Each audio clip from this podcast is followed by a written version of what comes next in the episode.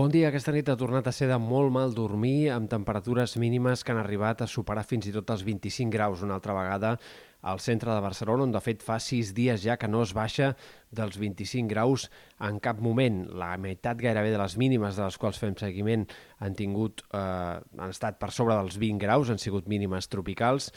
i el dia també ha començat amb alguna sorpresa en forma de nuvolades i ruixats puntuals a la costa central especialment, en punts del Penedès, del Garraf, Baix Llobregat, fins i tot al voltant de Barcelona s'hi han arribat a produir ruixats aïllats. També hi ha hagut algunes tempestes puntuals de matinada en punts del Pirineu i Prepirineu occidentals, però tot plegat han sigut coses bastant aïllades, poc importants i que no evitaran que avui en general el sol predomini, que aquest dimarts sigui un dia bàsicament assolellat i en tot cas amb nuvolades de tarda que com a molt deixarien algun ruixat molt puntual en sectors del Pirineu. El vent de sud continuarà bufant amb certes ganes, avui no amb tanta intensitat com ahir, però en molts sectors de la costa brava i de la Vall de l'Ebre continuarà sent un vent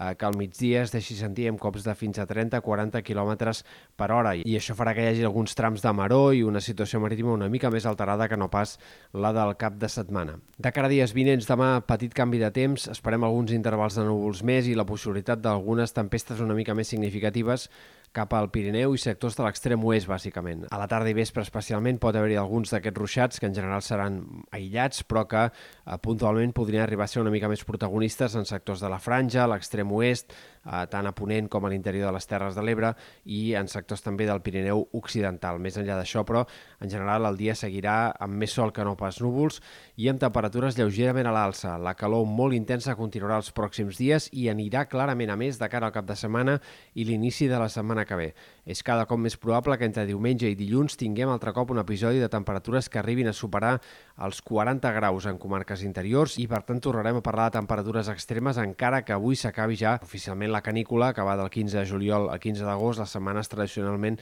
de més calor de l'any. Però encara tindrem, insistim, un altre pic de temperatures extremes, sobretot entre el cap de setmana i l'inici de la setmana que ve. A més llarg termini comença a insinuar-se un possible canvi que acabi amb la calor intensa i pugui fer arribar alguns ruixats cap a finals de mes, de manera encara molt borrosa al voltant del cap de setmana del 26-27 d'agost. Tot això encara és molt poc clar, evidentment, i n'haurem de seguir parlant, en tot cas, els pròxims dies. Pel que fa a l'estat del cel, eh, la resta de la setmana el temps serà molt estable, bàsicament assolellat, i les nuvolades que apareguin en punts de muntanya eh, difícilment deixaran ruixats, o si els arriben a deixar serien fenòmens molt aïllats. Setmana en general molt tranquil·la, més enllà d'aquesta mica d'inestabilitat que pugui haver-hi especialment aquest dimecres.